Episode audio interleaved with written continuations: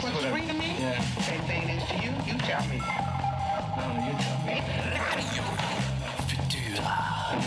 Is geen eenvoudige snelle uitweg. Maar deze zeer.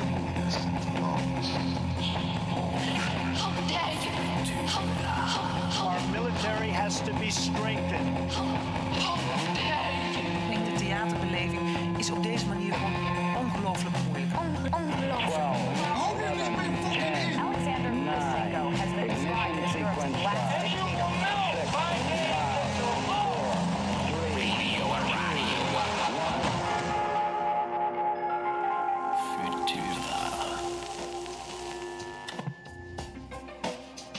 Je luistert naar Radio Futura over theater in deze bewogen wereld. Mijn naam is Gian van Gunsven.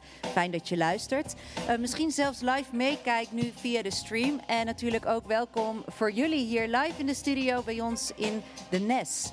Eh, buiten is het herfstig, maar wij zitten hier in een warme lockdown in onze bunker in de steeg van de Nes. In deze volledig corona-proof studio. Heb je nou ook zin om langs te komen? Dat kan. Dan duik je net naast Theater Frascati die steeg in en je klopt hard op een grote bruin-groenige deur die daar is. De voorstellingen hier binnen van de gasten zijn vandaag afgelast. Maar hier bij Radio Futura besteden we aandacht aan een ander stukje onvertelde stad. En dat naar aanleiding van een van de monologen die Hasna Bouazza schreef. Naar aanleiding van gesprekken die zij samen met Fatima Elatek schreef. Naar aanleiding van gesprekken die zij voerde met vrouwen uit de eerste generatie ehm, Marokkaanse Nederlanders die in de jaren 70 naar Nederland kwamen. Eh, nadat deze tekst zometeen wordt voorgedragen, dus zegt de eerste helft van dit radioprogramma, praten we ook erover na. En daarvoor is ook Sabri Saad El Hams bij ons aangeschoven.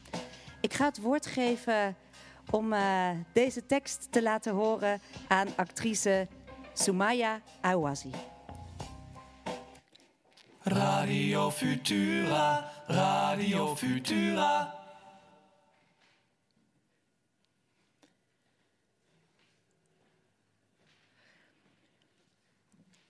Ik ben geboren op het platteland van Marokko.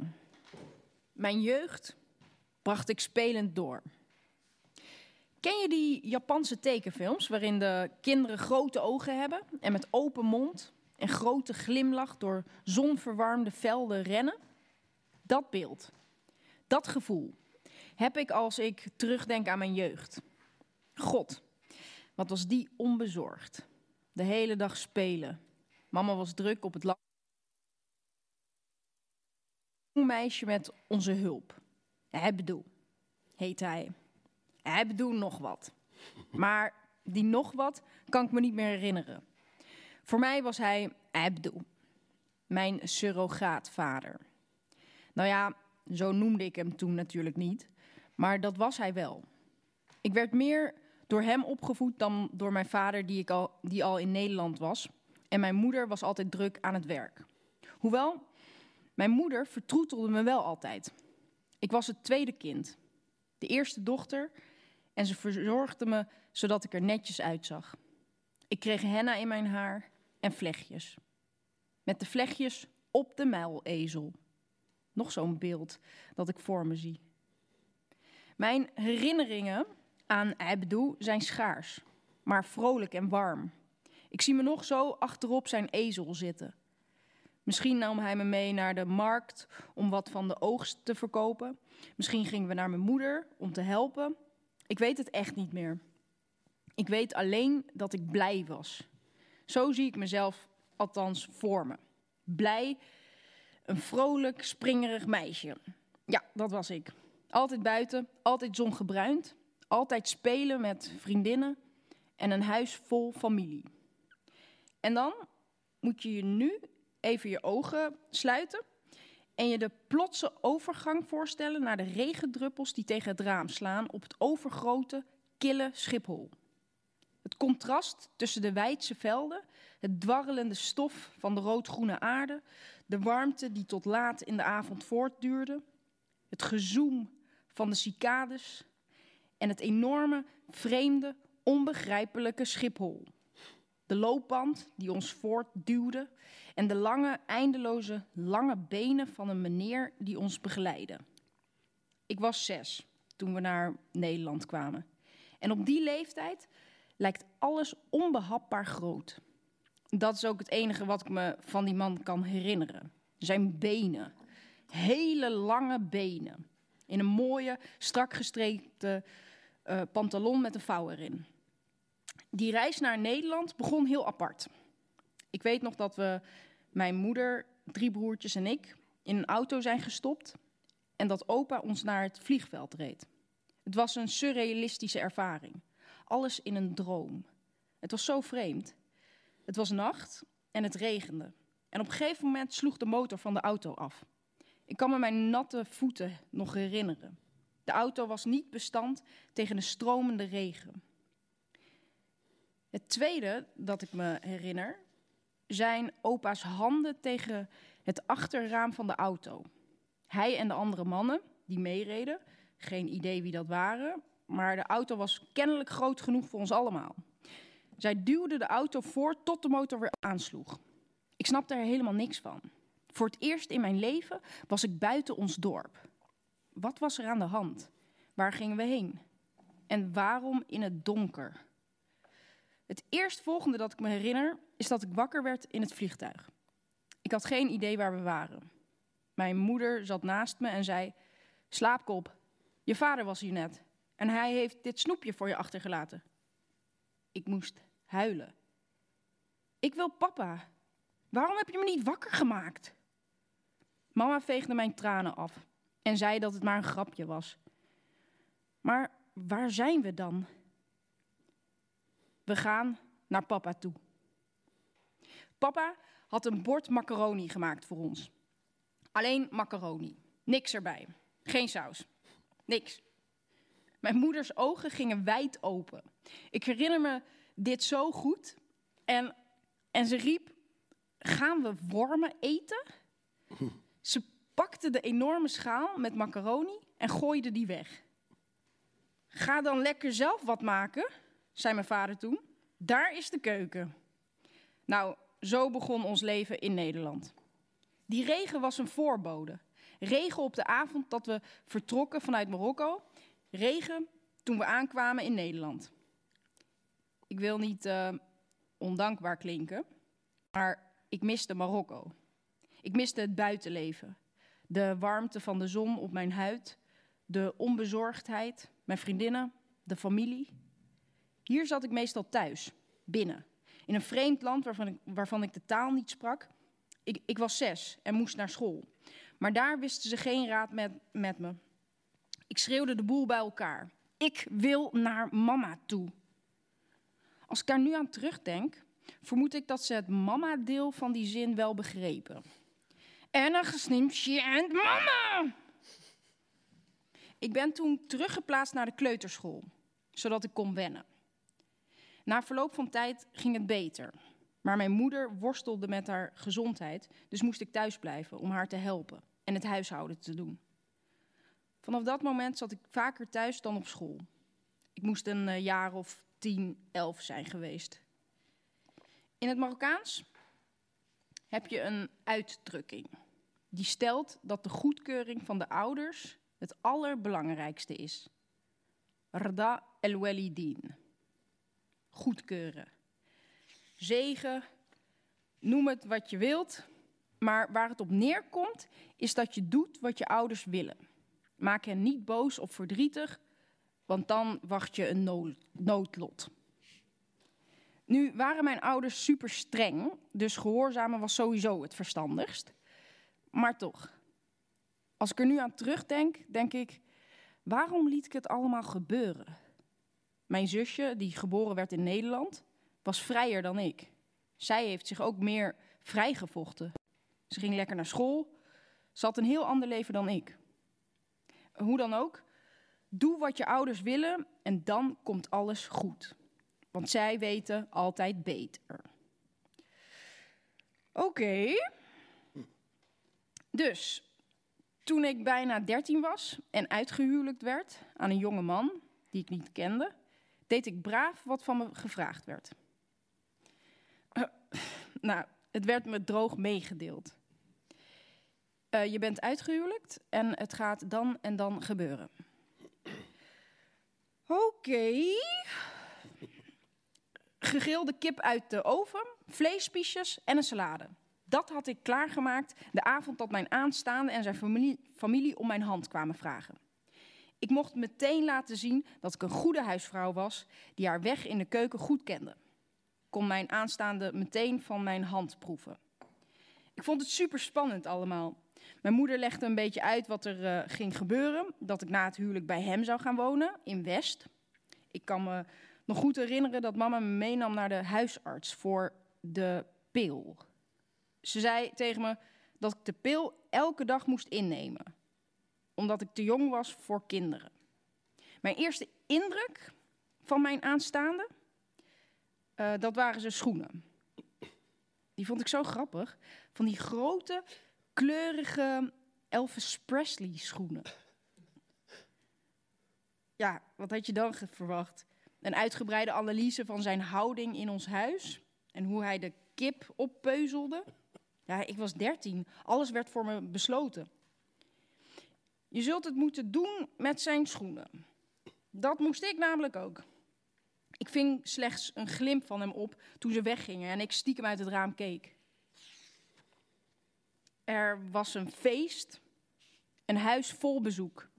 Ze zeggen dat je huwelijksdag de mooiste dag van je leven is en dat je die nooit vergeet.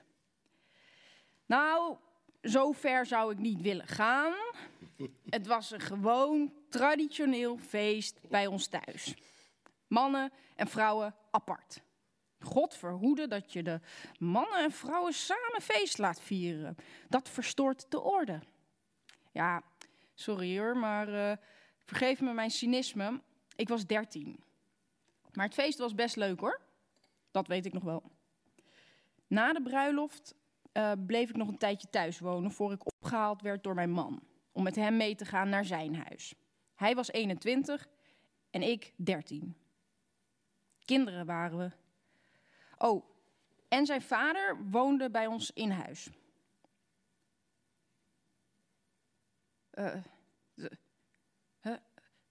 Wat, wat, doe, wat doe jij nou? De eerste keer dat mijn man wilde vrijen, schrok ik me dood. Ik had dan wel de pil gekregen van mijn moeder, maar nooit wat gehoord over hoe dat zit tussen mannen en vrouwen. En hoe dat moet. En waarom het moet. Maar eerlijk, mijn man was teder en geduldig. Wie zich al een beetje zat te verkneukelen op een boel geschreeuw en maagdelijk bloed, moet ik teleurstellen. Mijn eerste keer was heel fijn. Ja, ja, ik weet het. De regels van de mediacratie schrijven voor dat je op het gevoel moet werken van mensen. Tranen eruit persen. Trauma's inzetten voor wat sympathie.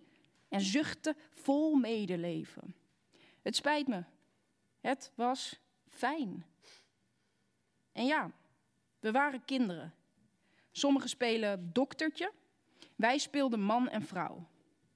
En dat deel het man- en vrouwdeel in onze kamer, in ons bed, als de deur gesloten was, was fijn. Teder, liefdevol, warm. Buiten die deur van de slaapkamer was het andere koek. Mijn schoonvader ontpopte zich als de stiefmoeder uit Assenpoester. Niks kon ik goed doen. Nu moet ik ook wel toegeven dat al mijn kookkunsten opeens waren verdwenen toen ik naar mijn mans huis ging. Het eten smaakte niet. Ik leek alles verleerd te zijn. Maar dat was nog niet het ergste. Dat was namelijk mijn schoonvader. Die haalde er plezier uit om de boel te saboteren. Dus dan had ik net het hele huis schoongemaakt.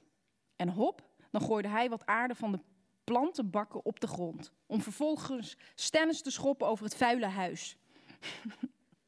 Echt, ik overdreef niet toen ik hem vergeleek met de boze stiefmoeder uit Assenpoester. De beste man is overleden, dus geen kwaad woord over hem. Maar dit is wat hij deed. Daar kan ik verder ook niet zoveel aan doen. We mogen er best grapjes over maken. dat je dus een 13-jarig meisje het huis ziet schoonmaken en dat je dan denkt: hey, laat ik eens wat potgrond op de grond gooien. Potgrond, hoort toch op de grond? Zo sleet ik mijn huwelijksleven. Mijn man zag ik weinig, alleen s'avonds. Hij had kennelijk ook niet zoveel zin in zijn vader. Ik kwam verder niet buiten, dat mocht niet. Mijn ouders zag ik alleen als zij op bezoek kwamen of als wij uitgenodigd werden bij hen. Mijn nieuwe thuis was een kille kooi. Mijn slaapkamer, de enige ruimte waarin ik wat liefde voelde als mijn man er was. Maar daarbuiten moest ik het met mijn schoonvader doen. Als mijn brood bijvoorbeeld uh, niet was gelukt, pakte hij het brood en ging hij helemaal met de tram van west naar oost, waar mijn ouders woonden, om dan bij mijn vader te klagen. kijk eens wat je, wat, je, wat je dochter heeft gemaakt. Noem je dit brood? Ik was dertien. Dertien. Op een gegeven moment hield ik het niet meer vol en glipte ik, toen mijn schoonvader even niet oplette, naar buiten en ging naar mijn ouders. Mijn vader vond dat ik me niet moest aanstellen en bracht me terug. Een half jaar later vluchtte ik weer, nadat mijn schoonvader zich herhaaldelijk aan me had vergrepen. Savim. Dat was het bondige antwoord van mijn vader. Safi.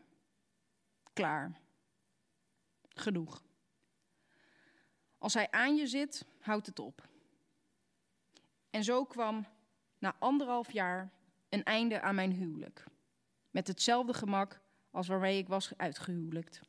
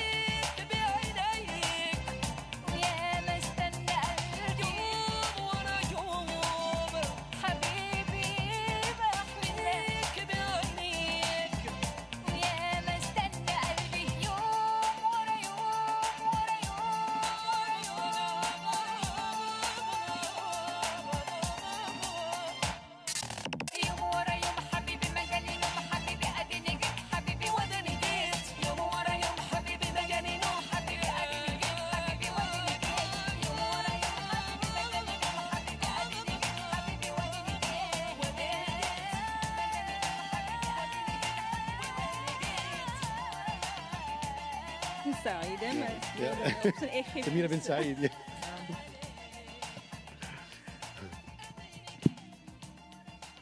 We luisteren naar een monoloog geschreven door Hasna Bouassa en voorgelezen door Soumaya Awawi.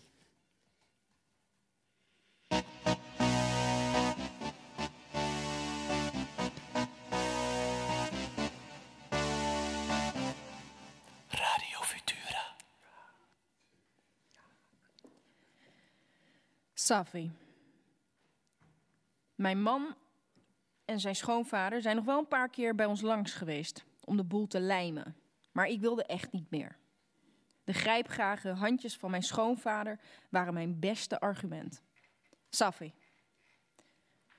Omdat ik zo jong was, hadden we geen officieel huwelijk afgesloten, maar het alleen religieus beklonken. Dus ik was net zo snel gescheiden als ik getrouwd was geweest.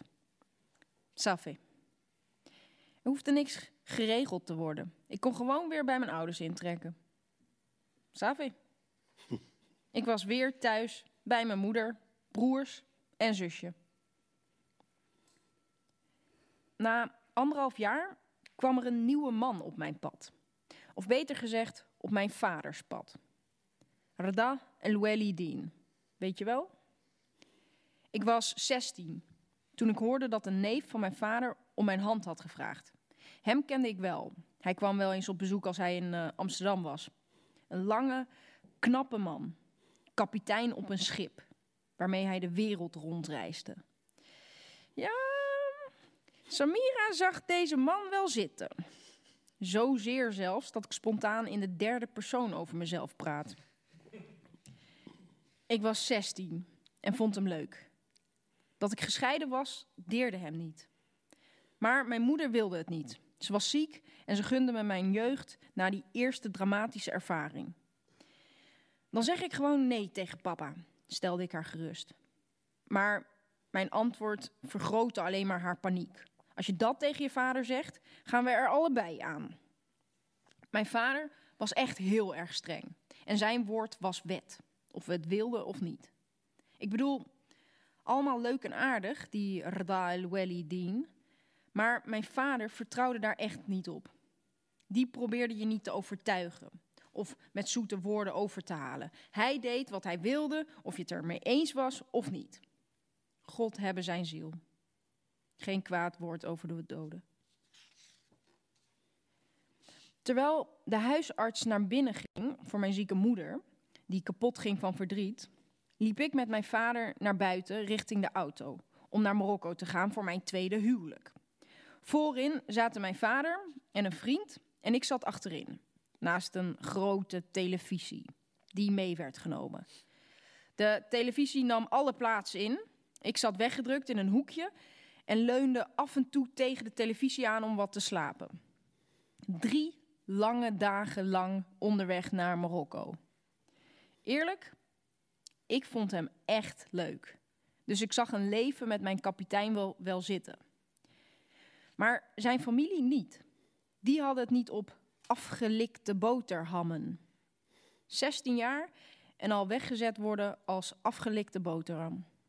Rda El Walidin. Mijn vlam wilde me per se wel. Maar de ruzie in zijn familie liep zo hoog op dat hij het uiteindelijk opgaf. Het huwelijk met mijn knappe kapitein ging niet door. Familie van kapitein, één. Afgelikte boterham, nul. Mijn vader was natuurlijk beledigd. Hoezo dan? En mijn dochter en ik zal. Hallo, ik ben eh, Samira. Aangenaam. Mijn tweede man zag ik voor het eerst in bed tijdens onze huwelijksnacht. Mijn vader kende iemand en die kende weer iemand anders die weer een zoon wist die wel met zijn dochter wilde trouwen. Want zijn dochter was toch zeker wel gewild. En hij was zeker niet van plan om de reis naar Marokko niet te benutten. En dus dropte hij me de avond van de bruiloft bij mijn schoonfamilie, die ik niet kende. En vertrok nog diezelfde nacht naar Nederland. Hallo, ik eh, heet eh, Hakim. We zagen elkaar letterlijk voor het eerst in bed. gaven elkaar een hand. Hallo. Hallo. Daar eh, lagen we dan. Ik was over mijn toeren. In een vreemde omgeving. Ik miste mijn moeder en lag in bed met iemand die ik nooit eerder had gezien. Hij was gelukkig al net zo knap als mijn verloren kapitein. Raar is dat. Ja, toch? Hoe de hersenen werken. Ze registreren het verdriet, het gemis, de pijn. En ergens tussen al die weerwar van emoties is er ergens ook nog een lichtje dat gaat branden. Zo van: Hallo daar. ja, de situatie is totaal ruk. Maar godsamme, hij is wel lekker, zeg. Ik ken natuurlijk de horrorverhalen van droge rinduwers. Van die rouwdouwers die erin en eruit gaan. Die alleen aan zichzelf denken. Die lozen en ervan afrollen. Die de vrouw als een gat zien. En niet als aantrekkelijk wezen dat ook genot kent. Van die bruten die denken dat het zondig is als een vrouw geniet. Van die hufters die hardheid verwarren met mannelijkheid. Van die schoften die genot halen uit jouw pijn. Maar in bed heb ik het getroffen. Ook Hakim was teder en lief. 16 jaar, voor de tweede keer getrouwd in een omgeving die ik niet kende, waar ze een dialect spraken dat ik niet verstond. Maar de seks was goed. Je gelooft het vast niet, maar ik was dolgelukkig in Marokko. Natuurlijk, ik miste mijn moeder intens, maar het leven op het platteland bracht me weer terug naar mijn jeugd. Mijn man was lief. We hebben hele mooie, fijne, romantische dagen gekend. Na een jaar werd ons zoontje geboren. Ik had een schat van een schoonmoeder en schoonzus die me op handen droegen en eigenlijk ook opvoeden. Ik leerde zoveel van hen. De taal spreken, koken, alles. Ze hielpen met, me met de geboorte van mijn zoon en later mijn dochter. Er was wel een maar. Natuurlijk was die er. Een flinke adder onder het gras was de vrouw van mijn zwager. Die mocht me niet. Toen mijn man zonder werk kwam te zitten, ging het steeds slechter. De vrouw van mijn zwager wilde ons niet in huis hebben. Ze wilde niet dat we aten op kosten van haar man, de broer van mijn man. En dat ging van kwaad tot erger. Ze beschuldigde me er zelfs van met haar man te hebben geslapen. Ik bedoel, hallo daar. Ik zei net toch dat de seks tussen mijn man en mij goed was? Die vrouw was als een donkere wolk in ons bestaan. Mijn man trok het niet. Hij vluchtte uit huis en liet mij en de kinderen achter. Ik stond er weer alleen voor. Zo lief als mijn schoonmoeder en schoonzus waren, niemand kon de vrouw van mijn zwager aan. Ze deinsde nergens voor terug. Als we aan tafel zaten om te eten, pakte ze doodleuk het brood van mijn kinderen af. Ruim een jaar was hij weg. Hakim was verdwenen en niemand wist waarheen. Tot mijn schoonmoeder hem ging opzoeken in de grote stad. Je, je ziet het wel eens in films, hè? Van die moeders die het zat zijn en het heft in eigen hand nemen. Sluier om, geld in de buidel en naar de stad. Op zoek naar de zoon. Zo ging het ook bij haar. Na een aantal weken kwam ze terug met mijn man. Ga jij dan naar Nederland, dan blijf ik hier met de kinderen en dan stuur jij ons geld. Ik hoor het hem nog zeggen. En ik hoor mezelf oké antwoorden. Om de impasse te doorbreken moest een van ons naar Nederland. En logischerwijs was ik dat. Het idee dat ik mijn kinderen zou achterlaten vrat aan me. Maar na jaren ploeteren wist ik ook dat Nederland de oplossing was. En dus ging ik. En bleef ik. En bleven mijn zoon en dochter bij hun vader. Mijn dochter was amper een jaar oud. Het was hartverscheurend. Ik begon als een gek te werken, zodat het mijn kinderen aan niets zou ontbreken. Al mijn geld stuurde ik naar hen toe en iedere zomer bezocht ik mijn kinderen. Met koffers vol nieuwe kleren en speelgoed. Maar het verdriet van het gemis en het schuldgevoel kon ik niet wegkopen met speelgoed. Eerst kwam mijn man. En na zeven jaar kon ik eindelijk mijn kinderen overhalen. Gedoe, geregel, advocaten. Overdag en s'avonds werken om genoeg te verdienen. En toen was het eindelijk zover. Kon ik mijn zoon en dochter eindelijk weer dichtbij me hebben. 21 was ik. Moeder van twee en met een man die ik eigenlijk niet meer zag zitten. Maar we hadden een gezin en je wilt toch je best doen. Als hij niet zo slap was geweest, had hij ons kunnen onderhouden. Maar alles kwam op mij aan. Ik werkte non-stop om ons leven hier veilig te stellen. Ik maakte overuren, volgde opleidingen, alles voor mijn kinderen. We herkennen je niet meer, zei mijn moeder eens tegen me. Je bent veranderd. Dat klopt, antwoordde ik. Ik ben moeder geworden. Het moederschap veranderde me van een mak, volgzaam lammetje in een strijdbare leeuwin. Dat en mijn zelfstandigheid. Geld verdienen verandert je ook. Het geeft je onafhankelijkheid en maakt je zelfverzekerd. Ik hoefde niet langer mijn hand op te houden. Ik onderhield mezelf en mijn gezin. Niemand hoefde me ook maar iets wijs te maken. Ik wist inmiddels zelf wat het beste was voor mij en mijn kinderen. We herkenden je niet meer. Ik herkende mezelf niet meer. Er kwam een vechtlus en een leergierigheid in me naar boven die ik nooit had verwacht.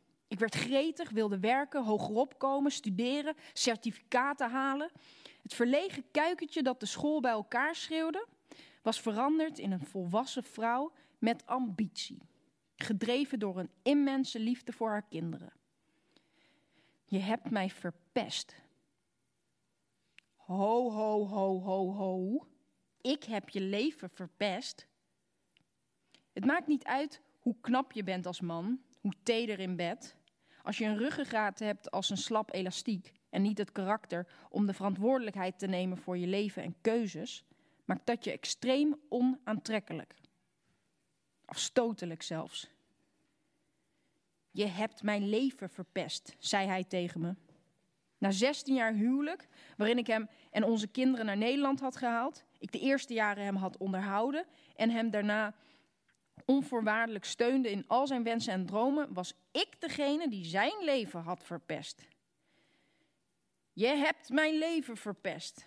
Nou, dat kunnen we makkelijk verhelpen. Je bent veranderd. We herkennen je niet meer. Ja, zeker weten. Ik pik helemaal niks van niemand meer. De dag dat ik hem de deur wees, voelde het alsof een koele, frisse bries door mijn krullen waaide. De wind door mijn haren. Je voelt het als de wolken plaatsmaken voor het warme zonlicht. Je voelt het op je huid. Ook al heb je je ogen dicht. Kippenvel. Mijn schouders voelden licht. 33 was ik. Alleenstaand moeder. Fulltime werker. Ik verdiende goed. Had een fijn leven met mijn kinderen. Ik weet een eh, leuke man voor je, zei mijn moeder op een dag. Nee, mam, dat kennen we nu wel. Ik wil niemand. Tien jaar later, ik was 43. Mijn kinderen waren al uit huis, kwam ik hem tegen. De man aan wie mijn moeder me had willen koppelen. Een gevoel dat ik na mijn kapitein, die niet de mijne mocht zijn, niet meer had gekend. Dat alles opslokkende gevoel. Dat gevoel dat je alles aan kunt. Dat je aantrekkelijk bent. Dat de wereld er mooier uitziet. De zon net wat warmer schijnt. En je die onstilbare honger hebt naar die ene. Bij wie je elke minuut wilt zijn en elke centimeter van zijn lichaam met je lippen wilt verkennen. Dat gevoel. En dat dan maal twee. We waren op slag verliefd. Dertien jaar na mijn eerste huwelijk werd ik verliefd en trouwde uit liefde. Ik had me geen betere man kunnen wensen. Mijn kinderen zijn dol op hem. Mijn moeder lacht me vast toe vanuit de hemel. Ik ben gezegend.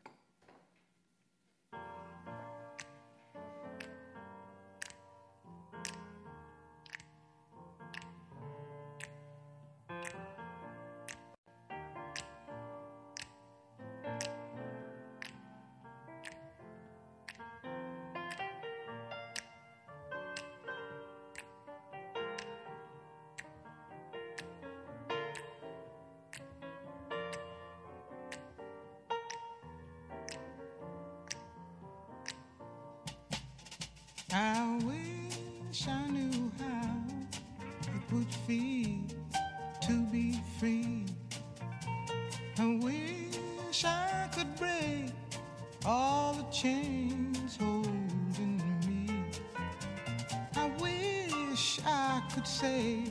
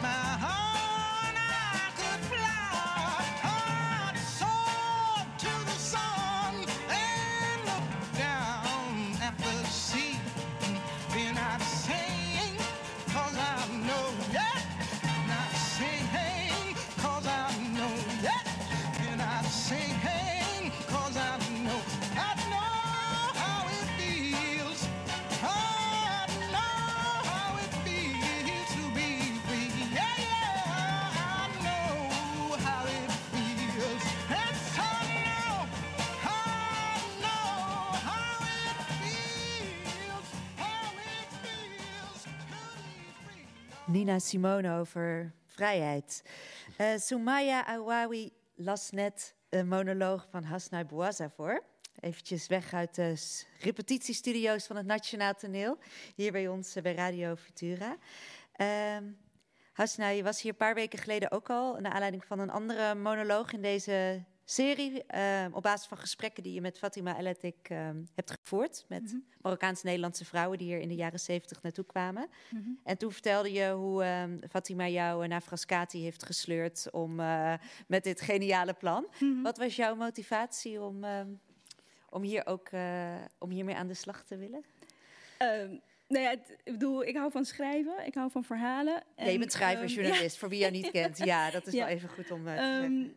En ehm, nou ja, goed, weet je, de verhalen van vrouwen, eerste generatie vrouwen, tweede generatie vrouwen, met uh, biculturele vrouwen, die, die zijn heel schaars in Nederland. Ik bedoel, het medialandschap is behoorlijk wit, daar hebben we het vorige keer ook over gehad. Ehm, eh, de, hè, de, de aandacht die er is voor ehm, eh, de multiculturele samenleving eh, is meer vanuit het, eh, problematische perspectief. Dus dit soort vrouwen zie je altijd in reportages met gekromde rug, boodschappentas in de hand, een dreigend muziekje erover. En dat is een heel erg eendimensionaal beeld van mensen met een enorm gevoelsleven, een geschiedenis, en en en en erfgoed en emoties en kinderen en, en heel veel invloed ook op de samenleving. Via vooral ook de, de kinderen. Ik bedoel, ik ben er één van, Sumaya is er natuurlijk één van. Sabri zei ik net voordat we begonnen, die heeft het hele Nederlandse culturele landschap bezaaid met talent. Dus, en op het moment dat je. ja, dat heb je goed gedaan. Dus ehm, ik, ja, het, is tijd voor ehm, eerlijker verhalen, eh, een eerlijker weerspiegeling eh, van eh, wie die mensen zijn en wat ze mee hebben gemaakt in plaats van het. ehm, ja, het stigmatiserend wegzetten en het, ook het karikaturaal verbeelden van hen in, in eh, films, series, eh, nieuwsreportages, noem het maar op. Dus dat. Helder. Eh, ja, Sabri Satahams, jij kwam hier ook in de jaren 70, eh, eind jaren 70 naartoe. Zij Ja. niet uit Marokko, maar uit eh, Egypte. Egypte. En je hebt inderdaad impact op de maatschappij. En je sleepte eh, indirect de kalven binnen, hè? Nou ja, ja nou, ik niet, maar mijn zoon. zoon, ja, precies. Mijn zoon, mijn zoon. Je, je hoort de monoloog voor het eerst net. Ja. Wat, wat, wat hoor je? Hebben veel herkenning ook.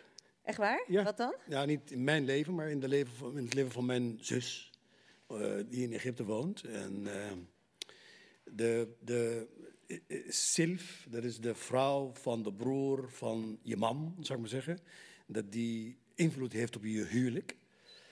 Ehm, de schoonvader, die, nou ja, het is niet zo ver gegaan als in dat verhaal, maar die jou het leven mo- moeilijk maakt.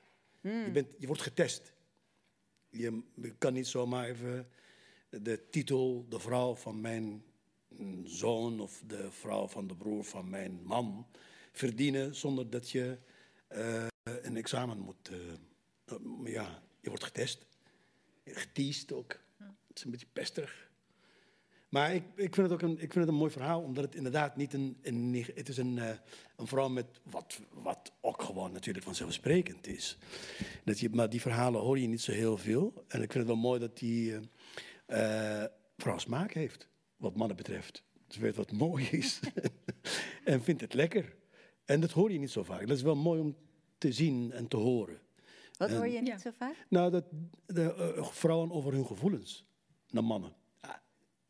Binnen, binnen, binnen, eh, binnen, zeg je in het algemeen, of gaat dit over de Marokkaanse Binnen de Arabische? De Arabische, niet nou, alleen maar Marokkaans, maar Egyptisch ook, maar de Arabische cultuur. Het wordt, onderling wordt het wel gezegd. Vrouwen bij elkaar, die eh kleden mannen bij wijze van spreken helemaal letterlijk en figuurlijk uit, bij wijze van spreken. Ik bedoel, maar het is de, je, je, het wordt niet geschreven, het is de, de, de, de vrijheid om het te uiten en het eh, in, in een verhaal te stoppen. Eh, ook in Nederland, ja, je hoort het wel, je leest het wel, meer en meer. Maar ik vind het wel mooi om te horen dat het niet problematisch is. Dat het Mm. gewoon een, Ja, ja maar dat, dat is ook heel bewust inderdaad. een liefdesverhaal. Precies. Gewoon, ja. Wat je zegt, want Ja. onderling hebben vrouwen het erover. En, eh, hoe? eh, precies. ik bedoel, al, al mijn seksuele kennis heb ik toch echt wel in Marokko opgedaan en niet in Nederland. Dus en, en die vanzelfsprekendheid, die mis je inderdaad wanneer het gaat over mm, vrouwen uit deze culturen. En ik vond het belangrijk om dat er gewoon heel terloops in te zetten. Ja. En nou, het is niet eens terloops, want het is natuurlijk wel een, een ding als je op je dertiende trouwt. En, ehm, maar dit, dat is wel ook echt gebaseerd op een, echt, een echte vrouw die dat. eh, want ook ik denk bij op je dertiende trouwen, dat is, dat is naar. En weet je, hoe gaat het in bed? En, en, en die- ik vond het fantastisch om te horen dat dat fijn was. En, ehm, en dat, dat je daarvan geniet. En ja, weet je, sch- schreeuw het vooral van de daken. Dat je je lichaam kent en dat, dat, weet- dat je weet hoe, weet je, wel, wat fijn is en wat niet. En dat je de, in dat opzicht ook ehm, ehm, die ervaring ook meeneemt in, in, in latere relaties. Is, het, is, is dit verhaal trouwens op één vrouw gebaseerd? Gewoon, eh, of heb je die, is het gemixt van... Het is gemixt. Ik bedoel, er, zit, het zit, er zitten echt eh, realistische, of tenminste waar gebeurde elementen in. Er zit heel, ook in wat ik er zelf in heb verstopt en andere vrouwen. Dus, maar dit is niet een uniek, dat is wel belangrijk. Het is niet één vrouw. Hè. Dit, dit, dit staat voor heel veel vrouwen. En ehm, kijk, dat is ook het problematische waar ik het over had, is dat het altijd gaat over wat is het, maagdenvlies, hersteloperaties, eh, ontmaagding. eh, wat is het? Vrouwen, meisjesbesnijdenis. eh, toch ook onderwerpen die voor van het uithuwelijk. Ja, wat precies, ja. ja. precies. Dat zijn allemaal dingen die voor het gros van de vrouwen en meisjes helemaal niet, niet herkenbaar zijn. Dit is herkenbaar voor heel veel vrouwen. En heel veel vrouwen maken, ehm, die oudere generatie maakt ook jongere generatie eh, wegwijs daarin. En wat ik zelf, wat, het element wat wel echt is gebaseerd op een van de vrouwen, is die moeder. Wat ik, wat ik mooi vond, eigenlijk als die moeder het voor het zeggen had gehad, als ouder, hè, de, de, de zegen van de ouders, dan was dat meisje heel erg goed terechtgekomen. Dan was ze niet op haar dertiende getrouwd, want die moeder nam haar, nam haar mee voor de pil. Dat heeft die vader niet gedaan. Ehm, haar moeder wilde niet dat ze voor een tweede keer zou trouwen. Eh, dat heeft de vader gedaan. En toen de moeder aankwam met iemand, toen ze volwassen was, op de 33ste, goede leeftijd. Toen was dat wel de juiste man die dus tien jaar later pas weer op haar pad kwam. En ik vond het, dat vond ik, nou, dat, dat vind ik wel kippenvel hoor. Dat die moeder als een soort bijna op de achtergrond af, hè, weggedrukt, maar toch met zoveel gevoel voor die dochter. Maar het is ook schrijnend juist dat zij dan die, die, die eh, da- dat, dat zij niet die macht heeft. Of En dat? dan komen we bij iets wat inderdaad, eh, ga- hè, eh, waar het over moet gaan. Het gaat, want de vrouwen onderling hebben dat. Ja. Hè, hebben die, er is er geen taboe bij vrouwen onderling. Die praten graag over dit onderwerp. Bij mannen Je hebt onderling. het over seks nu. Over seks en huwelijk, Huwelijk, en ja. vrouwen, mannen, alle. eh, ja, laten we het over seks hebben, inderdaad. Ja. Let's talk about seks. En eh, bij mannen ook, hebben ze het dan ook onderling daarover. Maar samen Ja. daarover hebben, dat is, dat is iets wat mij zo ongelooflijk verbaast. Dat het nog, nog altijd niet wil lukken. Mhm. En zolang dat niet lukt, zolang, is er, zolang er. Maar ook niet binnen de slaapkamer? eh, een- eh, nou, de slaapkamer, ja, onderling. Ja, Ja, want wat versta je dan onder onderling? Eh, Gewoon aan de, aan de keukentafel. Aan de, nou, aan de keukentafel, maar moeder, moeder met haar dochter lukt het wel. Ja. Maar moeder die iets bepalend, bepalender rol speelt in het leven van de dochter, dat, dat is er niet. Dus zodra die, die macht niet overgenomen wordt door de, of verdeeld wordt, laat ik het zo zeggen, wat mij betreft mag het overgenomen worden, want de vrouw heeft... En, en dat is het gekke daaraan ook. Het, het is, eh, eh, ogenschijnlijk is het een patriarchisch wereld. Maar bij mij, in ieder geval bij mijn gezin, en heeft mijn moeder alle beslissingen eigenlijk al genomen. Alleen mijn vader mocht het woord voeren. Mijn vader mocht het naar buiten brengen. En dat is in werkelijkheid wat er aan de hand is. Maar dat, die vrouw wordt dat niet toege... Dat, dat is, het lukt nog niet altijd, en daar wil, wil ik eigenlijk naartoe. En zolang dat niet lukt, verandert niks in de Arabische wereld. Je, kan hebben, je kan het hebben over de Arabische lente, je kan het hebben over de Egyptische revolutie. Maar zolang er geen seksuele revolutie is, plaatsvindt in de slaapkamer, inderdaad, beginnend in de slaapkamer, dat de vrouw iets eist. Ik ga het weer over de, op de vrouw schuiven, maar dat is niet mijn bedoeling. Maar dat, je, dat er echt, zoals Lysistrata ooit gedaan heeft, je komt bij mij niet in, zo langer eh, tegen de mannen in de Griekse drama eh, ooit. eh, dat ze van vrouwen, van, van mannen eisen om te stoppen met, met oorlog, oorlog voeren. Zolang dat niet gebeurt in de Arabische wereld, komt er geen verandering. En dat is zo spijtig om te horen, om te zeggen ook. En om te beseffen, nog erger. Maar je zegt enerzijds dus dat die rol van de vrouwen en sowieso haar intuïtie, maar dus ook binnen een gezin, eigenlijk best wel groot is. Maar niet wel. officieel, hè? Niet officieel. Maar niet officieel. Maar een vrouw mag dat niet zeggen. Van, ik heb dat gisteren besloten. Dat kan ze niet zeggen. Dan krijgt ze een klap van de man, bij wijze van spreken. Ja, ik- Weet je wel, van, wat bedoel je? Heb je het gisteren mij probeert Hasna hier nu juist alle vooroordelen van tafel te trekken. Maar Nee, Sabri zit erbij om ze weer eventjes te bevestigen. Nee, nou, ik wil het graag bespreekbaar maken. Ja, Dus natuurlijk, maar dat is alleen maar goed. Nee, maar ik denk wel dat er veel eh, verandert hoor, Sabri. En dat, er, dat we eh, eh, heel veel verder zijn dan, wat is het, begin jaren 90 en, en begin jaren 90 ongeveer veel verder dan jaren 70. Ehm, ik denk dat die eh In welke, rol... over welke land heb je het nu? Nou ja, wel algemeen hoor. Oh, sorry. ehm, in de Arabische wereld. Ik bedoel, natuurlijk, dus je hebt, je, hebt zeg maar de conservatieve gemeenschappen nog steeds. En ik weet die zijn. En, en je hebt natuurlijk ook de invloed van het. ehm, nou ja, de conservatieve islam natuurlijk. Dus dat speelt allemaal een rol. Maar tegelijkertijd, ik, voor mijn gevoel. En wat ik zeg maar observeer zijn. Observeer zijn er twee tegengestelde ehm, ontwikkelingen al een tijd gaande. Dat is enerzijds richting het meer progressieve, opener, ook de rol van vrouwen daarin heel erg eh, bepalend. En inderdaad, het, het, het geslotene, het bedekken, het, eh, het, het, conservatieve. Dus dat, dat is, en dat, is, dat blijft met elkaar over in Egypte te- over te praten, hè, want Mhm. daar, daar, dat, daar kan ik alles van. Ja. Marokko niet, maar Mhm. van andere landen, van Libanon ook niet. Ehm, maar over Egyptische vrouwen zelfs in Nederland, Mhm. die eh, de behoefte om dat te hebben, natuurlijk, de ambitie om Ja. het te bereiken, is er wel. Maar de frustratie om het niet te krijgen en niet, het niet voor elkaar te, het niet gegund Ja. te, te zijn, is net zo hard aanwezig. Ik, bedoel, ik, ik, ik, ik heb contacten met mensen die, eh, vrouwen die nog steeds aansen, zoals we het in het Arabisch Aans, zeggen. Alleen de, de, het woordtaal is Ja. vreselijk. Mhm. Vrouwen die he- hebben gekozen om niet te trouwen. Dus tot, De vrouw is achter in de 40 en die wordt gewoon echt aangewezen. En die, dat is gewoon een, niet alleen een afgelikte boterham, het is niet eens nooit gelikte boterham. Nee, dat is zou ik nog maar zeggen. en erger, dat, wordt, ja. dat is nog erger. Dat wordt je gewoon echt weggezet. Hmm. Je bent, er is iets met je, met je aan de hand. Je bent gek. Terwijl die vrouw, hoog opgeleid, fantastisch, verdient haar eigen geld. Met, nou ja, eh, zoals wij in het Arabisch, washer regelle, Mhm. zo in het Arabisch zeggen. Dat je inderdaad gewoon tien mannen bij wijze van spreken kan ompraten. En ze is ongelooflijk sterk. Heel sterk. Maar krijg dat niet voor elkaar. Krijg Wat gebeurt er dan? De herkenning, ja, er gebeurt niks. Ze, wordt niet, ze gaat niet trouwen. Ze Maar hoe werkt dat dan? Zij trouwt niet. Nou ja, dat ze wordt niet... natuurlijk, ja, dat wordt gezien alsof je dan eh, als vrouw mislukt bent. Natuurlijk. erom- Als je, ja, dat je is, hebt- dat is je- zeg maar de primaire rol in huwelijks- conservatieve samenleving. Je huwelijks- is dat je, je- trouwt en kinderen Je krijgt. carrière, je huwelijkscarrière of je seksuele carrière is mislukt. Ja. En dan, en dan heb je geen, eh, je hebt geen kinderen, je bent nooit moeder geweest. Dus je doet niet mee. Je bent, je bent, of, of gescheiden Oké, vrouw. dus als je geen, als je geen eh, is- partner hebt, dan, dan, eh, dan, doe je, dan doe je niet mee. En als je Nou, wel een partner hebt, dan maar zit niet, je dus niet zo, het is niet zo makkelijk, hè? Als je, als je, het- want je, je legt het gewoon om. En dan is het, je wil een conclusie. En dat is er niet. Nee.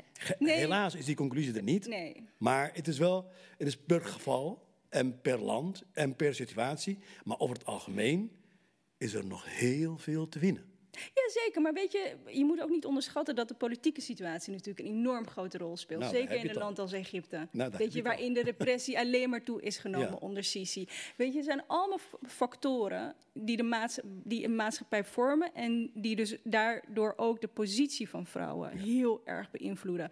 En dus, ehm, en ik, Egypte, dat ging redelijk. Hartstikke Ik bedoel, ik heb nooit gedacht dat je nog zou denken, terugdenken aan de tijd van Mubarak. Van, weet je, dat was een stuk eh, vrijer en er was meer eh, ruimte voor vrouwen.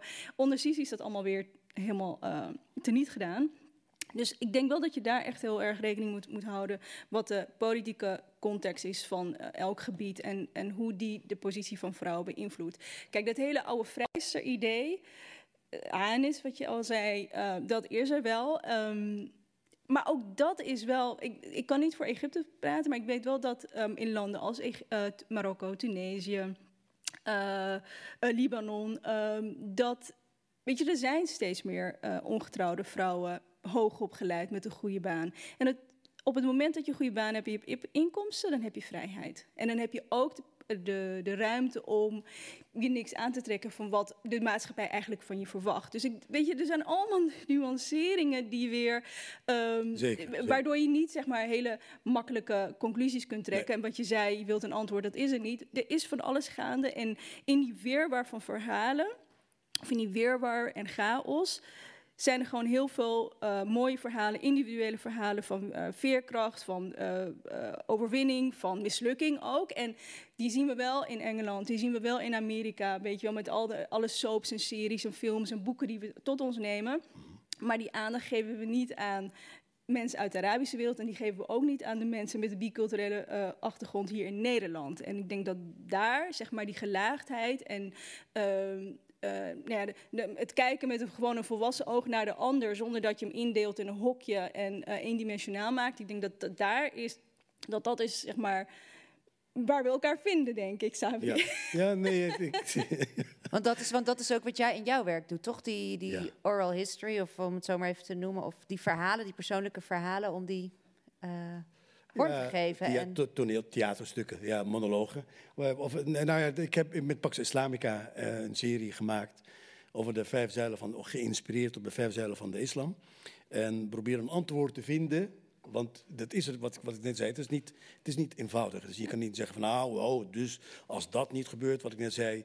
Maar ik ben wel van overtuigd, als er geen seksuele revolutie, en dat is er voorlopig niet. En dat ziet er ook niet uit dat het over vijf jaar er zal zijn.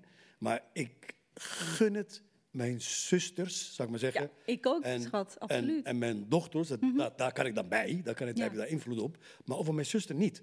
En Ja. over haar kinderen, haar dochters, ook niet. Ja. Ik kan niet tegen mijn...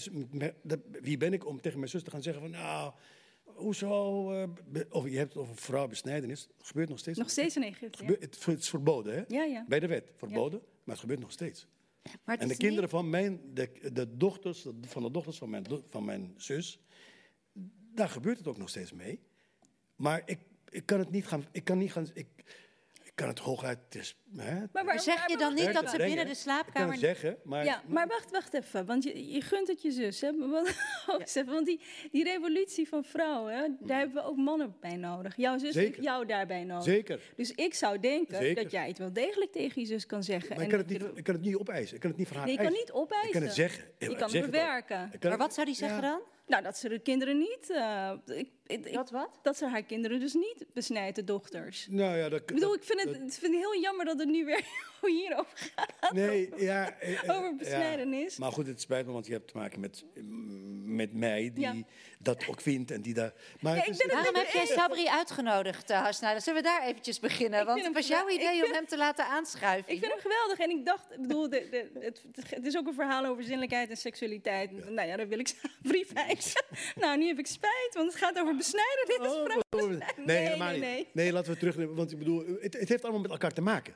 Het heeft met elkaar met, en dat vind ik ook het, vind ik het mooie aan, het, eh, aan jouw verhaal, is dat het, dat het een vrouw is die zinnelijk is. En die praat, ik had eigenlijk ook nog meer verwacht, dat ze meer en meer zinnelijkheid Deel 2. Onder woord deel 2, ja, ga, je, ga je nog verder. Leuk. Nou, spannend. Maar ik bedoel, natuurlijk, natuurlijk, natuurlijk. Ik, maar ik, ik wil niet, eh, eh, ik wil me ook niet bli- blind staren op, op wat er niet is. Maar ik wil me ook niet blind eh, eh, optimisme eh, uitstralen van, oh ja, maar wij zijn er al. We Nee, nog- natuurlijk nog niet. We zijn er nog lang Dus, niet. Mhm. Maar goed, natuurlijk ben ik optimistisch over dit soort verhalen. En, en graag eh, draag ik ook mijn steentje bij. Ik bedoel, ik, ik heb het ook graag over. Maar ik ben een man en ik- mij is het makkelijker. eh, het wordt meer geaccepteerd. Ja, daarom. En daarom denk ik van, als je zegt over je zus in Egypte, dan zou ik denken dat, dat jij als man juist wel die, die stem eh, hebt en die invloed. En dat, dat je die dan dus juist kunt inzetten daarvoor. hun- hun vader is, is daar verantwoordelijk. Ik bedoel, ik zeg het wel, Ja, natuurlijk. maar hun vader, ik eh, maar hun vader ja. is er. Dus Ja, natuurlijk, ja. Weet je wel, ik ben eh, hooguit een Ja. Maar wat is, wat is, wat is, gek oom uit, eh, uit het westen. Dus wat is seksueel vrij zijn voor een vrouw dan, voor jou? Hetzelfde als seksueel vrij zijn als een man, voor een man. Maar wat is het? Wat? Eh, niet gaan zeulen over niet, niet verantwoordelijk zijn voor je maagdenvlies, zou ik maar zeggen, om, het, om te beginnen. We hebben het heel over maagdenvlies en besnijdenis. Alle, alle taboe dingen die jij niet bespreken. Maar dat is, voor mij is dat op het moment dat je verliefd kan zijn zonder dat je meteen in het huwelijk moet op moet treden. Dat je gewoon een relatie kan beginnen. Zoals wij dat allemaal doen, mannen, Arabische mannen. Mag experimenteren. Dat mogen wij allemaal. Ik bedoel, het wordt niet, niet, niet op- ik bedoel, als een man dat nog niet gedaan heeft, wordt het raar, wordt het, wordt dat, dan, dan wordt een, of een beetje, hè, nog- Maar, ik- maar wat ik zo mooi aan deze monoloog vond, of wat mij ontroert, is dat juist dat wat ik als vooroordeel ook eh, tegenover elkaar zou zeggen, namelijk ehm uithuwelijken en ehm, ja, seksualiteit of een fijn seksueel leven, dat dat juist daarin zo wordt ontkracht eigenlijk. En dat die vrouw. Vind ik ook. Eh. Vind ik ook, hè? dat hoor je me niet over zo. Maar ik bedoel, vrijer is om te zeggen nee, ik trouw niet. Ik ben 13, dat is vrij. Ja. Ik ben 13, waar heb je het over? Waar heb je het over? 13 jaar en dan blij zijn dat ze het leuk heeft in bed? Ach, kom op zeg. Voelde die vrouw zich seksueel vrij in de slaapkamer? Ja. In de slaapkamer. Ja. Kon ze daar voor haarzelf aangeven nee, wat zij wilde? Eh, ja, nee, dat, absoluut. Dat, dat was ook het mooie daaraan. Ja. Dat was niet Tuurlijk. de- Tuurlijk, ik vind het, ik vind het ook het is, het prachtig. Hè? De- Begrijp me niet verkeerd, want het, ik vind het echt... Nee, nee, ik begrijp heel goed wat je zegt. het- En ik ben het helemaal met je eens. Ja, op het moment dat een vrouw gewoon een relatie kan hebben zonder verstoten te worden... of weet je, allerlei oordelen van de, van de maatschappij over zich heen eh, eh, eh, moet eh, ontvangen. Daar ben ik het al helemaal mee eens. Ehm, maar ik de- kijk, wat, wat, ehm, kijk, het grote plaatje is, die, is, dat, is dat van de problemen. En die, en die horen we dus constant. Maar als je wilt begrijpen, en dat heb ik de vorige keer ook gezegd, als je wilt begrijpen, wilt begrijpen dan zul je toch echt moeten inzoomen. En dan zul je voorbij de, weet je, de, de, eh, eh, het oppervlak moeten. En dan moet je en echt verhalen, mensen horen, leren kennen en eh, ontdekken hoe zij dingen ervaren, eh, hoe hun leven is. En, en, en dan kun je, weet je wel, de wereld begrijpen en dan kun je ook denken in termen van oplossingen voor bepaalde problemen. Maar als het alleen maar gaat over, als je het alleen maar hebt over karikaturen of over een soort van ehm standaardfiguren en standaardproblemen, dan, dan kom je daar niet. En ik denk dat iedereen dat snapt, want. ehm, als het gaat over problemen in de Nederlands- Nederlandse samenleving, dan, eh, dan is er die gelaagdheid, dan is er die empathie, dan is er, weet je wel, een onbevangen blik. Maar die is er niet als het gaat over mensen zoals wij. En, en, en daarom vond ik dit, dit belangrijk, want ehm, er zijn heel veel mensen, ehm, zeker in, eh, van die generatie, van die mevrouw, zijn uitgehuwelijkt. En die hebben fantastische huwelijken gehad. 40, 50 jaar samen, liefdevol, teder. En die verhalen, weet je wel, die Moet halen horen, nooit. ja, zeker. En, dat, en dat vind ik zo belangrijk. Is we zijn, we zijn geen eh, soort, weet je, van die, van die soort, weet je, personages uit van die slechte B-films. Van die bordkartonnen personages. En ik, ja, ik vond het gewoon heel belangrijk om, om die gelaagdheid van, van, van zo'n mevrouw ehm, eh, naar voren te brengen. En, ehm, en te laten zien wat er voorbij ehm, eh, ja, het beeld in de media of het beeld in de, in de, in de integratierapporten staat. En dat is een vrouw die, ondanks dat ze op haar dertiende werd uitgehuwelijkd en daarna op haar zestiende, zich helemaal knetter heeft gewerkt. Zich ondanks weinig opleiding eh, ehm, carrière heeft gemaakt. En ondanks weinig ehm, sturing eh, van haar meest dierbare, haar moeder of vriendin of zo, heeft ze geleerd hoe de wereld werkt en heeft ze geleerd hoe ze zich eh, moet bevrijden, heeft ze geleerd wat voor haar het belangrijkste is. Allemaal levenslessen die mensen uit boeken halen of een beetje uit een lange schoolopleidingen van leraren en mentoren krijgen. Dat heeft zij gedaan in haar eentje, behoorlijk eenzaam. En, en dat, dat vind ik waanzinnig. En weet je, dat zijn van die verhalen, van die inspiratieverhalen die je in, in van die kruidvatlectuur leest of in films, Hollywoodfilms. En, maar vrouwen met zo'n achtergrond kunnen dat ook. Ondanks alle een beetje maatschappelijke eh, Mee eens. barrières. Hoe luister er jij zijn. hiernaast, Somaya? Ja, ja, ja. Ja, de- de- sowieso de monoloog, zeg maar. Het is natuurlijk eh, ja, ver van mijn bedshow, toch wel, zeg maar. Want het is echt... eh, er gebeuren natuurlijk verschrikkelijke dingen met, eh, met zo'n vrouw. En je bent 34 en in Nederland geboren. Ja, en weliswaar een Nederlands-Marokkaanse Ja, actrice, ik- ik- maar... Ik, ik ken gewoon het leven hier in Nederland, hoe het hier in Nederland vooral eh, gaat. Maar wat je zegt vind ik wel inderdaad waar. Ondanks alles wat er mis is, ja, pakt ze wel het heft in eigen hand. En eh, Maar hoor jij je moeder er bijvoorbeeld er ook in? Of jou, dus de familie van je, je zussen? van ja, ik vind het wel grappig, want, want in ons gezin, of waar ik in ben eh, opgegroeid, was mijn moeder ook echt de baas. Dus de- ja, die, die besloot alles. Dat, is- ja, dat, is, dat is wel anders. En kan het jou dan frustreren, zoals als ze zegt dat, ehm, dat, dat door de media eigenlijk de generatie van je moeder een soort van wordt... Ja, ja, ja. Uitge- Een soort van klein wordt gehouden. Of Ja, een soort van weg wordt Ja. gevaagd. Bijna alsof ze niet bestonden of zo. Terwijl waarschijnlijk denkt iedereen dat mijn man, eh, dat, mijn, eh, dat mijn moeder een, een onderdrukte vrouw is of zo. Ja. En die alleen maar heeft geleden. Maar echt, in tegendeel, weet je wel? Dat is echt een, eh, een hele sterke vrouw. Daar heb ik zoveel van geleerd. Ja, alles eigenlijk. Ook waar ik nu ook sta, zeg maar. Dat heb ik gewoon meegekregen van... Heb jij die behoefte om dan ook ehm, die geschiedenis door te geven? Of die tradities in jouw werk of in jou als speler? Of, om- Ja, je probeert wel dingen aan te kaarten. En ook gewoon, ja, het klinkt ook zo lelijk dat je dan het goede voorbeeld of zo wilt, wilt doorgeven of zo. Van hey, en, en, en wil laten zien, hey, zo kan het ook. Ik, ik ben, nou ja, ik ben goed bezig. Kijk naar mij, ik doe het echt wel goed, weet je wel. Maar dat is, dat, Maar dat is ook een gek soort verantwoordelijkheid? Ja, ja, ja. dat- of een ge- Bijna dat ik me altijd moet soort van eh, eh, moet bewijzen dat het, dat, dat, ik, dat het ook zo kan. dat het zo kan, inderdaad. En, en dat- herken jij. Nou ja, nee, ik, ik heb het eh, over de, het, het, eh, om terug te komen bij mijn moeder, die is 85, misschien de oudste moeder van jullie moeders. Eh, en die ha- had dat. Jouw moeder heeft het ook waarschijnlijk. En jouw moeder ook.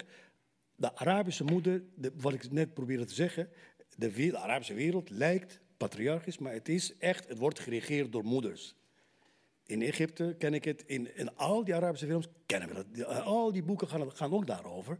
Alleen Dus ik, natuurlijk, ik adoreer, ik doe niks anders dan adoratie hè, voor de vrouw en de moeders. Eh, maar ik zou het zo mooi vinden om dat officieel te maken. Ik zou het zo mooi vinden om dat gewoon naar voren... Dus door die verhalen te vertellen, wordt dat ook hoorbaarder en, en zichtbaarder. Natuurlijk moeten we dat doen. Maar ik heb het over en-en. Ja, niet ja, maar niet blind staren ja. op en niet optimistisch op. Nee, maar daar ben ik heel met je eens. Dus Maar- ik- ja. we zijn het met elkaar eens. Maar Natuurlijk. dus alleen, Volledig. Maar weet je, door die verhalen te vertellen. Ik bedoel, tuurlijk, tuurlijk. West, weet je, eh, Zeker. Europa hier, eh, Amerika, ik bedoel, deel van de emancipatie is natuurlijk ook door de populaire cultuur. Door wat je, door wat je gerepresenteerd ziet in films, in literatuur, in, in, in de bladen. Dat, eh, daardoor zien mensen en herkennen ze zichzelf erin. Mhm. dat, dat, dat sterkt hen. Eh, dat ze niet alleen zijn met bepaalde problemen. Dat ze, dat ze geen freak zijn als ze seksuele eh, gevoelens hebben. Ik noem maar wat. Ehm, dus dat, die herkenning, of in ieder geval het ontdekken van eh, andere gedachten, andere werelden, andere gevoelslevens, dat helpt bij de ontwikkeling ook van mensen. Dat helpt, dat sterkt ze. Mhm.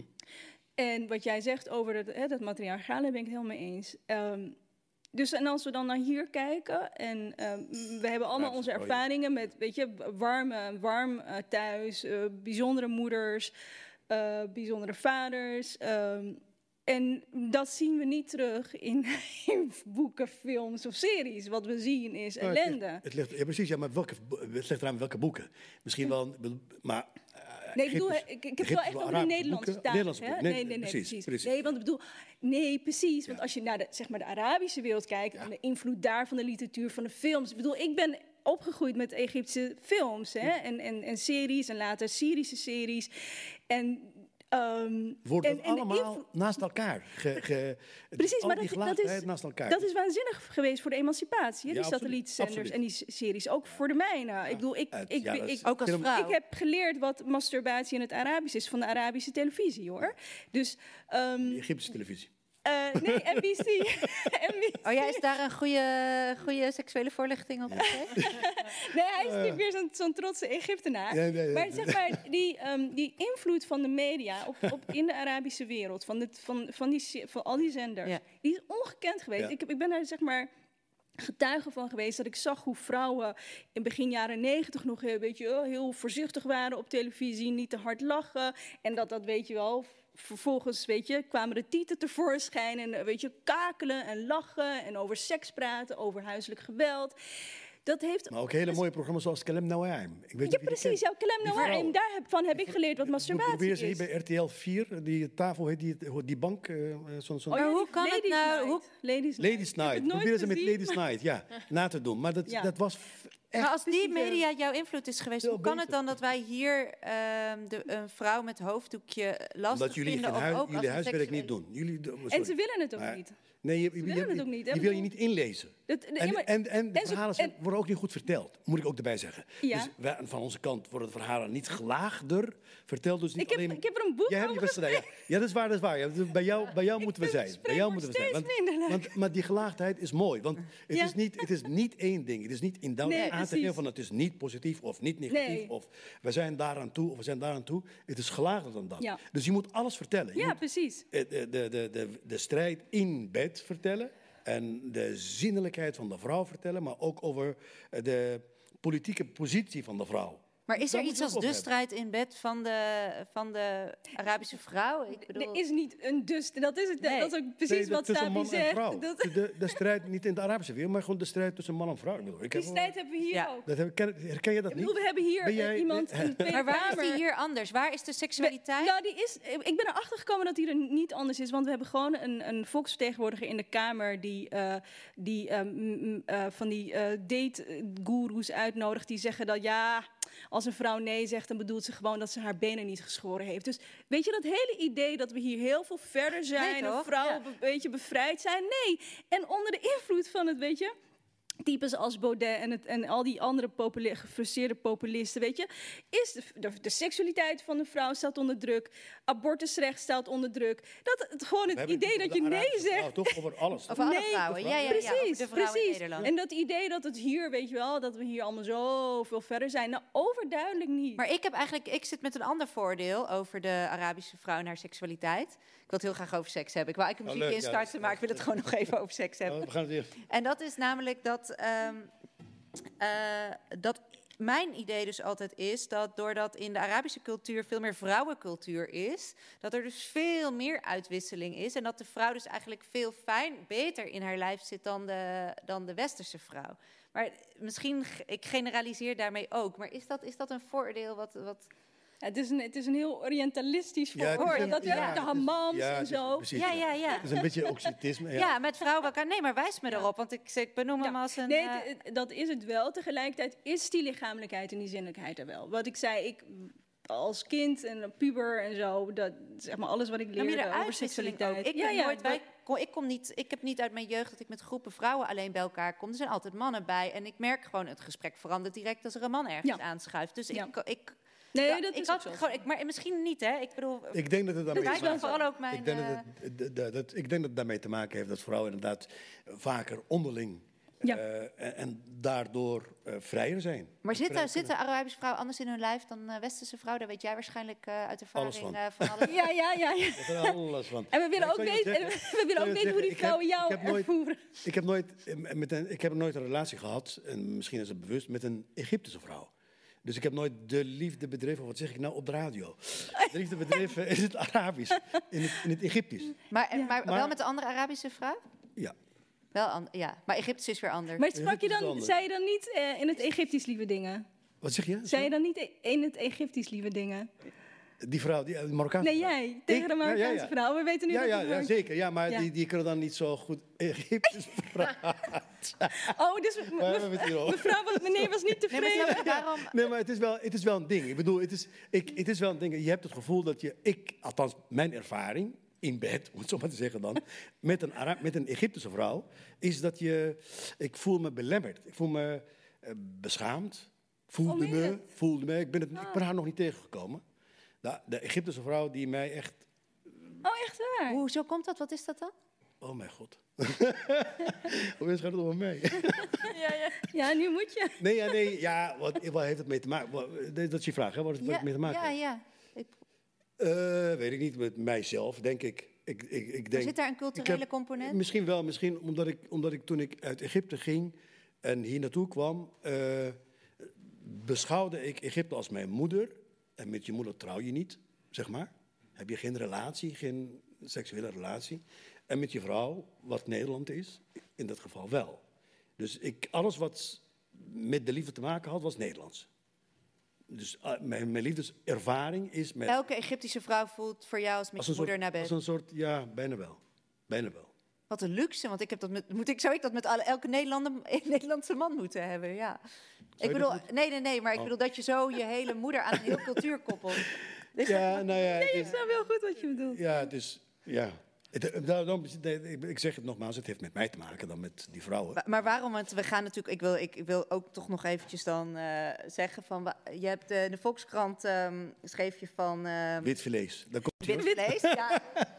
Maar dat is toch ook een aanleiding waarom je hier zit, Sabri? Dat, Ja, we hebben nee. het over Ja, weet je, seksualiteit. Dat is zo, ja, dat is zo.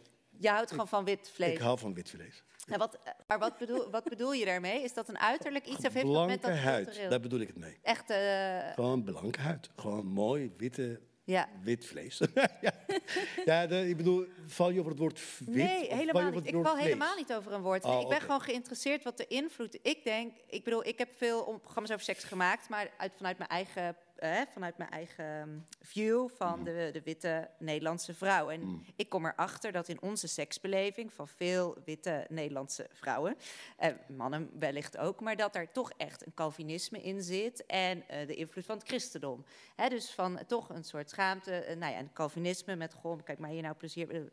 ik kan daarover praten en ik heb, kan dat erop leggen. En ik ben heel nieuwsgierig eigenlijk naar hoe jullie de invloed zien van jullie cultuur eigenlijk op jullie seksbeleving en of dat ook mee kan spelen, waardoor je Ik- het ik een of het dat ander voorkeur maken, geeft. Ik denk dat het daarmee te maken heeft. Dat de, de, de, de vroegere, men, de, vroegere, hoe zeg je dat, de vroegere bedervaring, zou ik maar zeggen, van in mijn jeugd, eh, eh, waren vrij voorzichtig en heel, heel niet, eh, niet enthousiast. om het zo maar te zeggen. Dus waardoor ik, ik, ik, ik heb daar iets tegen gebouwd. Tegenop, ik zie daar tegenop, om het zo maar te zeggen. Om iets te, eh, te vinden, om een soort tussenweg te vinden. Of een eh, harmonie, harmonie. Maar het het, nogmaals, het heeft te maken met dat ik niet de juiste persoon ben tegengekomen. Ik wil het niet aan een cultuur hangen, want dat is een beetje... Maar dat is per ongeluk gebeurd. Maar, nou, ja, het, het- ja, wat, wat bedoel je, per ongeluk gebeurd? Dat je ineens toch aan een cultuur misschien bent gaan hangen. Nou, maar het is, een persoonlijke smaak. Ja. Wit vlees. Ja, Dat is een persoonlijke, Dat mag, Dat ja, is een ja, persoonlijke ja. smaak. Ik val op gewoon. ja. Maar denk je dat er een. eh, heb je er, kan, je, kan je dat vergelijken? Denk je dat er een. In, wat zouden jullie als de invloed van jullie cultuur noemen op, op jullie.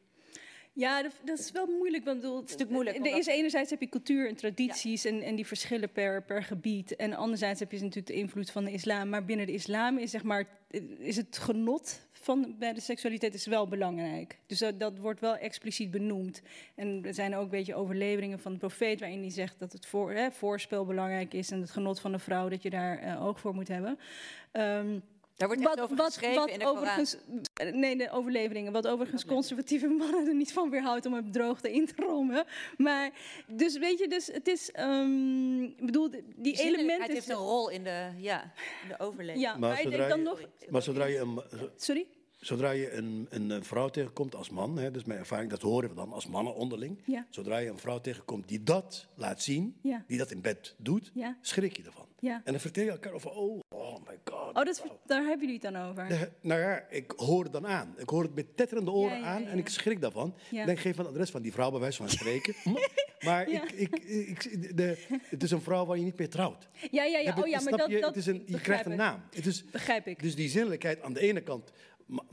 Ik, ben ook daarom, ik ben een fan van Mohammed. Daarom heb ik ook een voorstelling over Mohammed gemaakt ooit. Hè. Dat, daar begon ik mee. Als enige mens waar Mohammed ooit voor eh, op zijn knieën viel. In, in, in- naast God. Want het- bij het gebed doe je, ga je naar beneden met je hoofd. En hij is met, eh, eh, in die houding alleen maar voor een vrouw geweest om bij haar te kunnen komen. Met zijn hoofd hè, naar, da- daar, zou ik maar zeggen. eh. Dus de, de, de Segud, dat hij dat alleen maar gedaan heeft voor een vrouw. Nou, welke Mohammedaan deze tijden, welke moderne Mohammedaan, behalve mij dan, die nu hier zit met wil dat doen? Is in staat om dat te doen? Wil die naleving van Mohammed, Mohammed die met zijn vrouw zoende, tong zoende, dat horen we niet. Over Mohammed.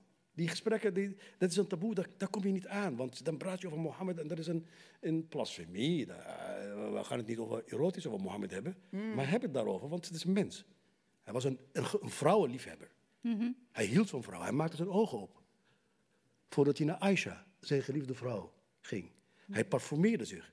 Welke man, welke Arabische man doet dat? Nou, ik, ik vind niet dat je de Arabische man tekort doet. Dan moet ik even Maar die, protesteren. du- en die dubbele moraal. Eh, eh, eh, Die, die zijn er ook. Nee, die zijn, maar ik zie echt dat het, weet je wel, met, met eh, de jongen, dat het, dat het Die eh, heel- ook echt wel verandert. En dat, dat je ook echt wel eh, relaties hebt tussen ongetrouwde eh, stellen en... eh, eh, dat, dat, hè, die, dat ze gewoon met elkaar doorgaan. Dus weet je, er is gewoon seks voor het huwelijk. En, eh, dus ik, dat wil ik wel echt genuanceerd Ik overdrijf een beetje. Ik Nou, en die dubbele moraal die jij net noemt, die is natuurlijk in Nederland Ja, niet nee, zo goed. tuurlijk. Over dat je Ja, ja, ja, dat er wordt dat er dat bij ons niet ik door vind in Patricia- de religie, maar meer door de ik vind media wordt Patricia gezegd je moet vrij zijn en een vrije vrouw zijn. Maar als je dat te veel bent, dan, dan ja, schrikt hoe, hoe Nederland op Patricia Pai reageert bijvoorbeeld, vind ik echt dat god geklaagd. Of een eh, beetje andere vrije vrouwen die voor hun seksualiteit uitkomen, die zichzelf filmen, eh, eh, wat dan ook. of Heel, daar heel zelfverzekerd over zijn, die worden afgemaakt.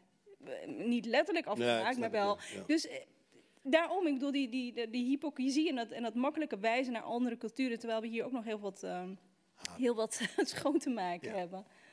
En, en, en nogmaals, eh, het wordt steeds erger met, met eh, de, de, de politieke koers eh, die we hier opgaan. Hier met, het, met het verminderen van de tolera seksuele Ja. tolerantie. Ja, en het idee dat, dat, dat- we een hele lichting hebben van jonge, witte, autochtone Nederlanders. Ik bedoel, ik vind het ook ergens wel hilarisch hoor, dat we 20 jaar verschrikkelijk islamdebat, weet je, zijn doodgegooid met positie vrouw, vrijheid. Wij in Nederland kennen gelijkheid tussen man en vrouw. En dat er nu gewoon een hele generatie is van van die, van die snotneuzen die er een beetje luid verkondigt tegen het feminisme te zijn. En dat ze trots eh, conservatief zijn en eh, dat ze, weet je wel, een vrouw eh, moet aanrecht. En een vrouw, een beetje een, nee van een vrouw, dat is niet serieus. En vrouwen willen juist overmeesterd worden, dat, dat soort kul.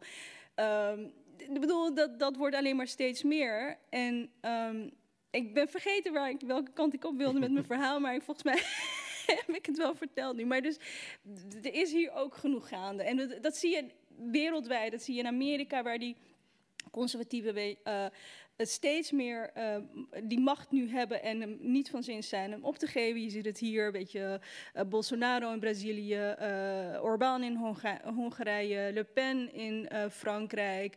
Dat is, al, dat is één groot web van conservatisme. En dat is geen goed nieuws. Niet voor minderheden eh, van alle soorten. Dus of het nou religieuze, seksuele minderheden zijn. En zeker ook niet voor vrouwen. En ook daar, het is absoluut. We, we, zijn, we kunnen nooit achterover eh, zitten en denken van we zijn er. Want we zijn er nog lang niet. Nee. En we moeten het constant bevechten. Maar het punt is, ik, wil, wil je met, ik ben 100% met je eens, Ja. Maar ik wil iets aan toevoegen. Dat, het, dat die, eh, daar hebben we het over Bra- Brazilië en over Amerika en over in Nederland. Mhm. Eh, eh, het gebeurt en-en. En in Egypte, daar heb ik het dan Ja, maar over. natuurlijk. Maar daar hebben we het en- altijd over. Maar dat ik wil het wel heel graag, al tot mijn Ja. sterf, Nee, nee, nee, ik maar zeggen, nee, blijven ja. over hebben. Ja, het moet bespreekbaar blijven. Ja, Het moet niet echt van de agenda. Nee, er moet absoluut. niet minder, minder over gepraat, want Nee. het tijd- maar ik, want nee. tuurlijk, het moet verteld worden. Het moet gewoon, nou ja. Nee, daar ben ik het helemaal met je eens. Maar En- dat en- doen we. En dat moeten we ook blijven Zeker, doen. zeker. Alleen wil ik erop wijzen, is, die regio is steeds weggezet als achterlijk. Ja, dat, dat, En alsof er eh, weet je, nee. een wereld van verschil is. En, en wij hier, zeg maar, de, de producten van, van, van die samenlevingen, dat wij hier een soort vijfde kolonne zijn, paard van Troje, noem het allemaal maar op. En dan, dat heb je dus allemaal laten welgevallen. En vervolgens zie je dat er, dat er geen verschil is. Dat op het moment dat conservatieve mannen hier hun kans ruiken, dat ze hem ook zullen pakken. Tuurlijk. En dat is gewoon verontrustend. En dat betekent dus dat je hier bezig moet blijven en zonder oog te verliezen voor daar. Absoluut, dat ben ik met je eens. Wat meanderen we toch mooi tussen Sabri's seksleven en de oplossing voor de, voor de wereldproblematiek. Hè? Dat is altijd. eh, Ja, weet je, politiek en vrouwenrechten, dat is gewoon één. Ik bedoel, het hele idee dat dat op de een of andere manier los van elkaar is. Nee, dat is gewoon heel erg één. En het, dat zie je constant.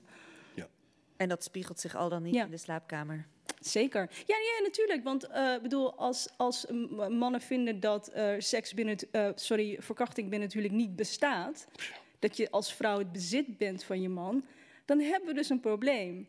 En dat is wel de, de kant die, die we dus opgaan. Ik bedoel, ook eh, politici die zeggen ja, dat je niet zwanger kunt raken na een verkrachting, ook zoiets in hun pleidooi tegen abortus. Ik bedoel, dat zijn hele essentiële dingen. En die staan constant onder druk. Sumayo, zit jij hier naar te luisteren? Die denkt, waar ben ik in beland? Ja. Ja. Ik kan- ik kom even een monoloog. verhaal. Ik kwam alleen, heel een verhaal lezen. Nee, nee, ik wist niet wat dit daarna zou eh, komen. Ik ook niet hoor. Maar ik- dat wisten we allemaal. Nee. Ja, ik wist het wel, stiekem. Alleen raad. Hij kwam Nee, met hoor. een agenda. Nee, ja. nee, nee, nee, helemaal niet. Helemaal niet. Ja, nee, ik... eh, Heb jij het idee dat je een vrijere vrouw bent dan je moeder? eh, eh, oh, jeetje. Een vrijere vrouw dan mijn moeder. Eh, ja, dat, ja, dat weet ik niet hoor. Dat, dat durf ik niet te zeggen. Het, het, eh, het, het voor de hand liggende antwoord zou zijn direct ja, maar I don't know. Ik neem natuurlijk ook heel veel mee eh, van wat ik mee heb gekregen. En dat neem ik ook mijn hele leven mee. En dat is ook heel rijk. Maar ik weet niet of dat veel vrijer is dan eh, wat ik van mijn moeder heb ligt maar net aan meegekregen. hoor. vrijheid vrijheid- Ja, natuurlijk. Ja. ja, maar ik ben Mhm. redelijk vrij opgevoed. Dus dat is ook dan weer... Als ik hele strenge ouders had, zeg maar... Bij jullie was geen Ridal Walidin? Ja, die zit... Die zit- Jawel hoor. Wel niet maar, maar, maar gewoon met respect. En gewoon de tradities krijg je mee en, de, en alles. Ja, nee, ik vind, ik, vind, ik vind dat ze het heel goed hebben gedaan. ja. Nou, een ode dan eh, was Ja. dit aan eh, jullie moeders. Gaan er meer monologen volle- eh, volgen, Hasne? Ehm, vast wel, ja. er is nog genoeg te vertellen. Ik ga een monoloog voor jou schrijven. Ik wou zeggen, Adrie. misschien moet je, misschien moet je met wel- eh, monoloog zinnelijke details. over, over, eh, over de man. En dan, en dan jouw scène met de Egyptische. Oh mijn god. Ja. Nou, een stuk geboren. Ja. Oh joh, daar ga ik me helemaal in uitleven. Begin te schrijven. Nou, ik kan niet wachten. Je weet wel, die generatie mannen uit Egypte die in de jaren zeventig hier kwamen om zich te verlekkeren aan, eh, Aan wit vlees. Ik zal je even eh, iets meegeven wat ik altijd voor de grap doe. eh, Zeg. Mhm. Ik kwam hier naartoe en toen ontdekte ik iets van... Een, er is een economische vluchteling, een eh, eh, eh, een politiek vluchteling. Mhm. En toen dacht ik, volgens mij ben ik een erotisch vluchteling. Oh joh, Nou. dit wordt... ehm, Kom maar op, zou ik zeggen. ja. nee, dit, dit worden mooie tijden. Meer erotisch vluchtelingen. ja, meer, meer, meer. Ja, meer toch? Een monoloog heet Wit Vlees. Oké jongens, dit was eh, Radio Futura van vrijdag 23 oktober. Eh, we begonnen bij de onvertelde stad van de, die generatie Marokkaans-Nederlandse vrouwen die in begin jaren 70 naar Nederland kwamen. We hadden het over waarom hun verhalen verteld moesten worden. We hadden het over wat er voor ongelijkheid tussen de man en de vrouw nog is, hoe dat in de politiek weerspiegeld is en nou ja, dat je er ook nog erotische vluchtelingen van kan krijgen. Ik dank je hartelijk eh, aan tafel. Hasna Bouaza, dank je wel voor wederom je mooie monoloog. We kijken uit naar de volgende. Sumaya Awawi. Eh, we zien je hopelijk met kerst als eh, mug eh, bij het Nationaal Toneel voorbij komen in Erik en het Groot Insectenboek. En eh, natuurlijk... insectenboek. Klein insectenboek. Klein. Ah, Sabri Saad.